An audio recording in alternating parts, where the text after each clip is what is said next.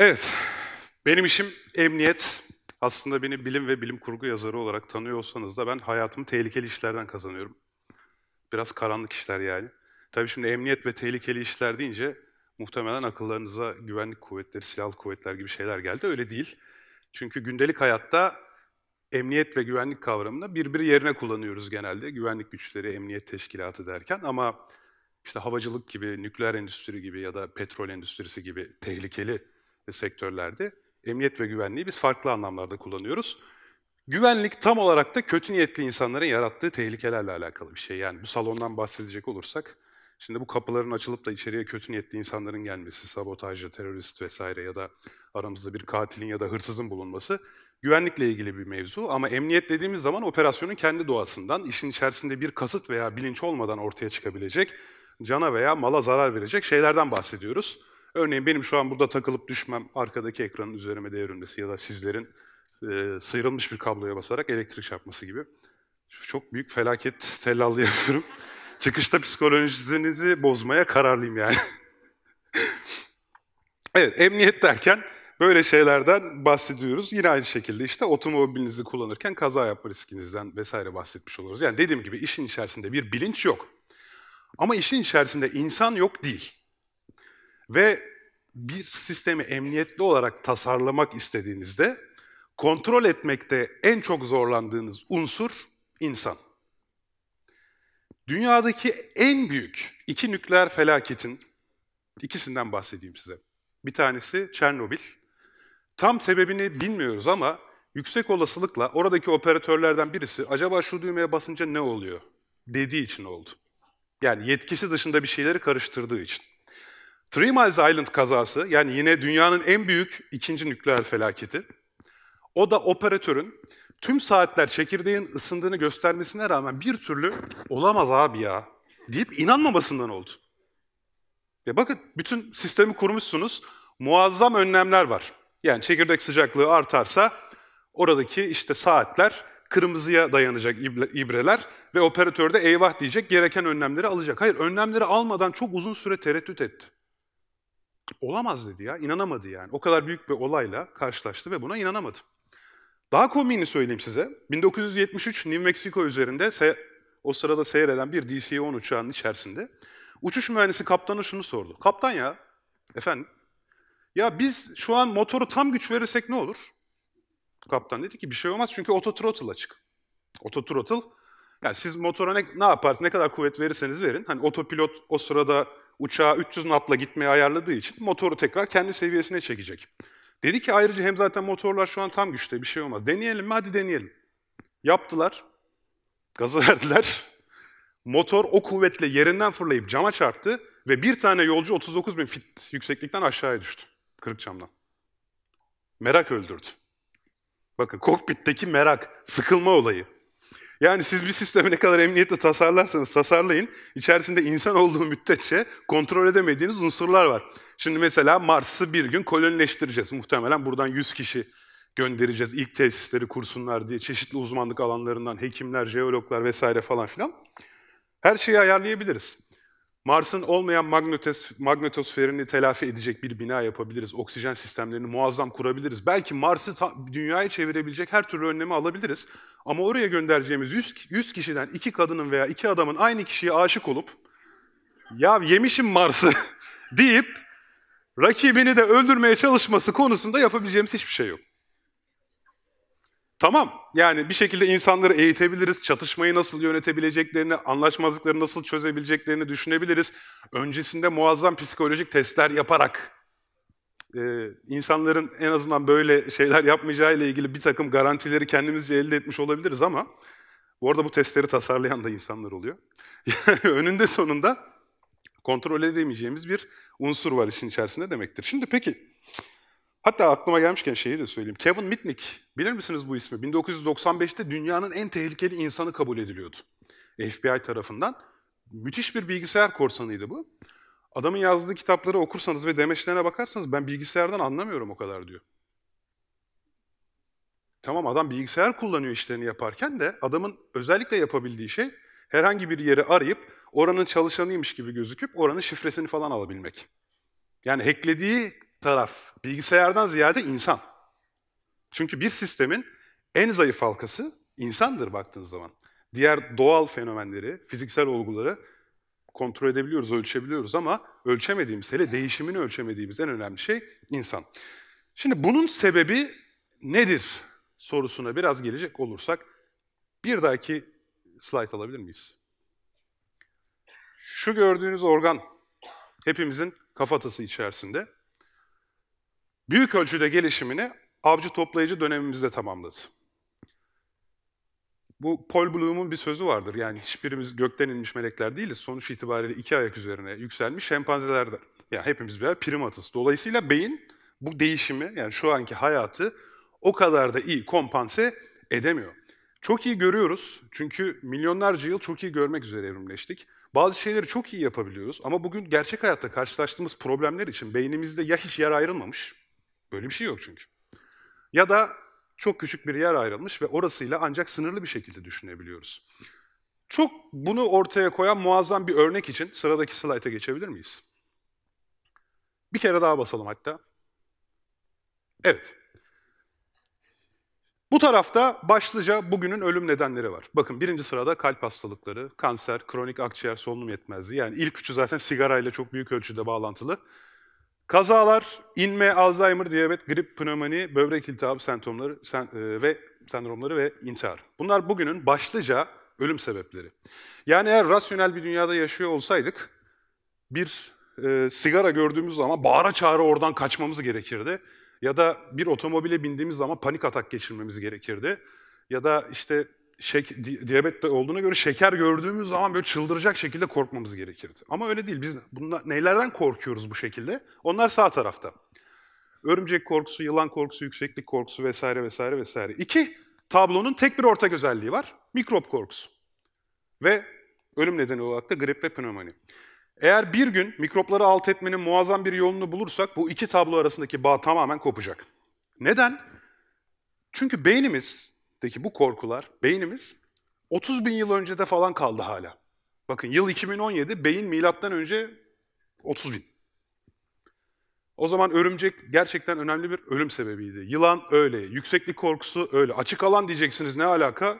Ya eskiden sürekli olarak vahşi hayvanlarla ve düşman kabilelerle savaştığınız için açık alanda olmak demek az sonra bir aslana yem olmak ya da mızrakın ucuna ya da mızrakın bize daha doğrusu saplanması demek olduğu için açık alan da bir korkudur. Köpek korkusu, köpekler her zaman bu kadar sevimli ve evcil değillerdi. Yıldırım, şimşek korkusu, kapalı, sıkışık, dar alan korkusu, uçuş korkusu, yükseklik korkusuyla biraz ilişki sayıyor. Bir mesela delik korkusu. Önce bu slayta öyle fotoğraflar yerleştirmiştim ki sonra vazgeçtim. Dedim ki ya bütün salonu kusturmaya gerek yok. Delikli şey, delikli şeyleri gördüğümüz zaman çok rahatsız oluruz.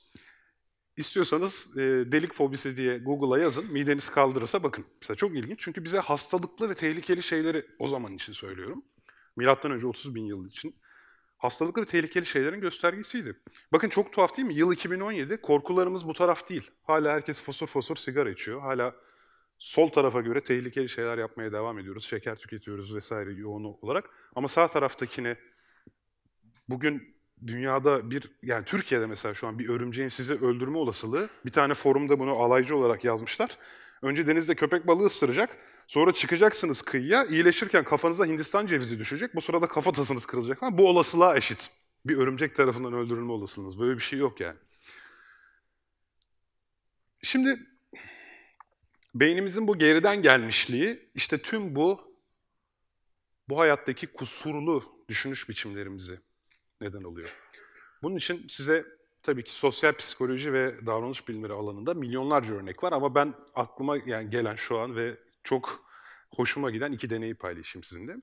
Bunlardan bir tanesi İngiltere'de gönlünden ne koparsa sistemiyle çalışan bir kantinle alakalı. Olay şu. Oradaki ofiste, kantine gidiyorsunuz, çay ve kahve satın alıyorsunuz. Gönlünüzden ne koparsa olur ya bazı yerlerde. Daha sonra o kutuya attığınız paralarla yine gidiliyor, çay kahve alınıyor zaten. 10 hafta boyunca şöyle bir deney yapılıyor. Bir hafta bu kutunun başına çiçek resmi asılıyor. Bir hafta iki, bir çift göz resmi. Bir hafta çiçek resmi, bir hafta bir çift göz resmi. Göz resmi asıldığı günler atılan paranın oranı ortalama olarak çiçek resmi asılı günlerin 3 katı. Bakın bu bilinçle gerçekleşmiyor. Hiç kimse dur şurada ay iki göz resmi var ben şuraya bu, her zaman 50 peni atıyordum şimdi bir pound atayım falan demiyor.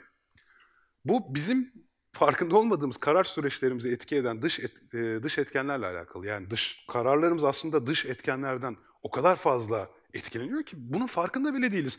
O gün siz çok para atasınız geldi zannediyorsunuz. Hayır oradaki iki göz resmi neden oluyordu. Bir başka deneyden daha bahsedeyim. Öğrencilere cümleler kurmaları için kelime fişleri veriliyor. Daha sonra öğrenciler bu cümleleri yazdıkları kağıdı işte 40 metre ötedeki koridorun sonuna teslim edecekler. Deneyin hangi kısmının deney olduğunu öğrenciler bilmiyor tabii. Bir grup öğrenciye normal kelime veriliyor. Rastgele. Bir grup öğrenciye yaşlılıkla ilişki kelimeler veriliyor. Yaşlılıkla ilişkili kelimeler bunlar. Kırışık, baston vesaire, o bu, beyaz saç, kırs yani hep yaşlılığı andıran kelimeler. Ve bu ikinci gruptaki öğrenciler o 40 metrelik koridoru daha yavaş yürüyorlar. Gerçekten. Yani bunlar istatistiki olarak çok anlamlı farklar ölçülmüş ve bu, bu deneylerin çoğu tekrar edilmiş deneyler. İnanılmaz değil mi? Az önce uğraştığınız kelimeler az sonra nasıl davranacağınızı değiştirebiliyor. Tuhaf. Şimdi birey olarak zaten böyle şeylere açığız da grup olarak zaten saçmalığın daniskasıyız. Yani hiç böyle karıncayı incitemeyecek adamın futbol maçı çıkışında adam dövdüğüne falan şahit olursunuz. Hiç sesi çıkmayan bir arkadaşınız varsa okul maçlarında la la la la falan diye bağırıyor olabilir yani. Çünkü bu grubun etkisi. Hepimiz bireyken çok farklıyız. Hele grupken daha farklıyız. Grup özellikle bugün sosyal medyada mesela şikayet ettiğiniz pek çok şey sosyal medyanın komple bir grup davranışı yaratmasından kaynaklanıyor. Şimdi bir slide ilerlediğimiz zaman size tarihteki çok meşhur deneylerden bir tanesinden bahsedeyim. Bu 1960'larda yapılan bir deney. Daha henüz o zaman fMRI teknolojisi yoktu. Bunlar davranış deneyleri. Bu deney yüzlerce kere tekrar edildi. Sonuçlarından hiçbir şüphe duymayın. Olay şu. 7 kişiye, bunlardan 6 tanesi işbirlikçi. Yani denek bunu bilmiyor ama işbirlikçi, hocanın adamı yani. Yedincisi denek, zavallı kurban. Bu her sene sınıfta yapıyorum bu arada. En incinmeyecek öğrenciye yapıyorum şaka kaldıran. Soruyorlar. Soldaki çizgi sağdaki üç çizgiden hangisiyle aynı boyda? Cevap çok bariz değil mi? Bir de. Bir aynı boyda yani. Şimdi eğer altı kişi buna özellikle iki deseydi ve yedinci kişi siz olsaydınız ne yapardınız? Şu an oturduğunuz yerden eminim olur mu canım ya bir falan dersiniz. Öyle değil işte. Deneklerin %75'i, tamam %25'lik kısımda olma ihtimaliniz var ama deneklerin %75'i 18 sorudan 12'sinde herkes 2 dediği için 2 diyor. Tamam çıkışta bunun sebeplerini çok çeşitli şekillerde açıklıyorlar. Kimisi diyor ki ben kuralı yanlış anladım zannettim. İşte kimisi diyor ki ya algımın yanıldığını zannettim. Kimisi diyor ki işte grupla ters düşmek istemedim falan filan. O tarihlerde fMRI teknolojisi de henüz gelişmediği için hani beyinlerine bakamıyoruz. Bu söyledikleri beyanlar mı, do- doğru mu ama diye. Ama bu çok ilginç bir fenomen. Buna sosyal uyum diyoruz. Social conformity. Yani buradan tabii şu sonucu çıkarabilirsiniz. Bunu söylemeyi hiç planlamıyordum ama kendinize ait olduğunu zannettiğiniz dünya görüşü, ideolojik görüş vesaire sizin olmayabilir. Mahallenizdeki 6 kişinin 7. kişisi olduğunuz için olabilir mesela. Çünkü bir slide daha ilerleyelim. Bu deney çok yenilerde teknolojinin verdiği tüm imkanlarla yeniden yapıldı ve bu sefer hafıza ile ilgili yapıldı. İsrail'de Tel Aviv Üniversitesi'nde. Gruplara bir belgesel izletildi. Ve daha sonra belgeselle ilgili bir teste sokuldular. Testte bir takım sorular vardı belgeselle ilgili. Mesela bunlardan bir tanesi. Kadın tutuklandığı sırada ne renk elbise giyiyordu? Cevap kırmızı, doğru cevap. Gruptakiler teste tabi tutuldular ve her birisi iyi kötü bu soruya doğru yanıtı verdi. Yani herkes kırmızı olduğunu hatırladı. Bir hafta sonra bu denekler yeniden çağrıldı ve aynı teste tekrar sokuldu. Bu sefer bir fark vardı ama. Gruptakiler diğer grup arkadaşlarının ne yanıt verdiğini de görebiliyorlardı. Araştırmacılar yanıtları manipüle ettiler. Deney, deneyin bundan haberi yok tabii ki. Sanki diğer bütün grup arkadaşları kadının elbisesi için beyaz demiş gibi gösterdiler. Ve kişi beyaz dedi. Tamam burasını 1970'lerdeki deneylerden biliyorduk. Şaşırtıcı kısım burası değil. Şaşırtıcı kısım şurası. Az sonra dediler ki ya biz sana şaka yaptık.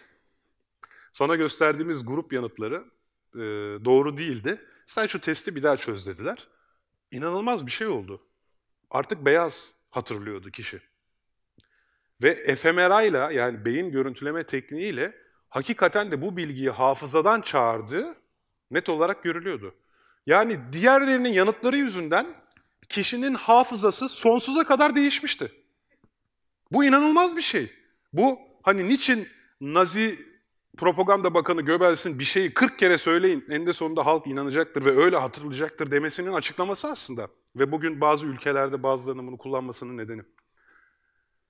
Evet, inanılmaz bir şey. Bir şey sürekli söylerseniz demek ki bir süre sonra inanılıyor. Neyse ki biz öyle bir ülkede yaşamıyoruz. Evet, şimdi tüm bu anlattıklarımdan şöyle bir sonuç çıkacak. O zaman biz insana güvenmeyecek miyiz? Evet, nükleer santral teslim ediyorsan güvenmeyeceksin. Mars'a gönderiyorsan da güvenmeyeceksin. Ya da şöyle genelleyebiliriz bunu.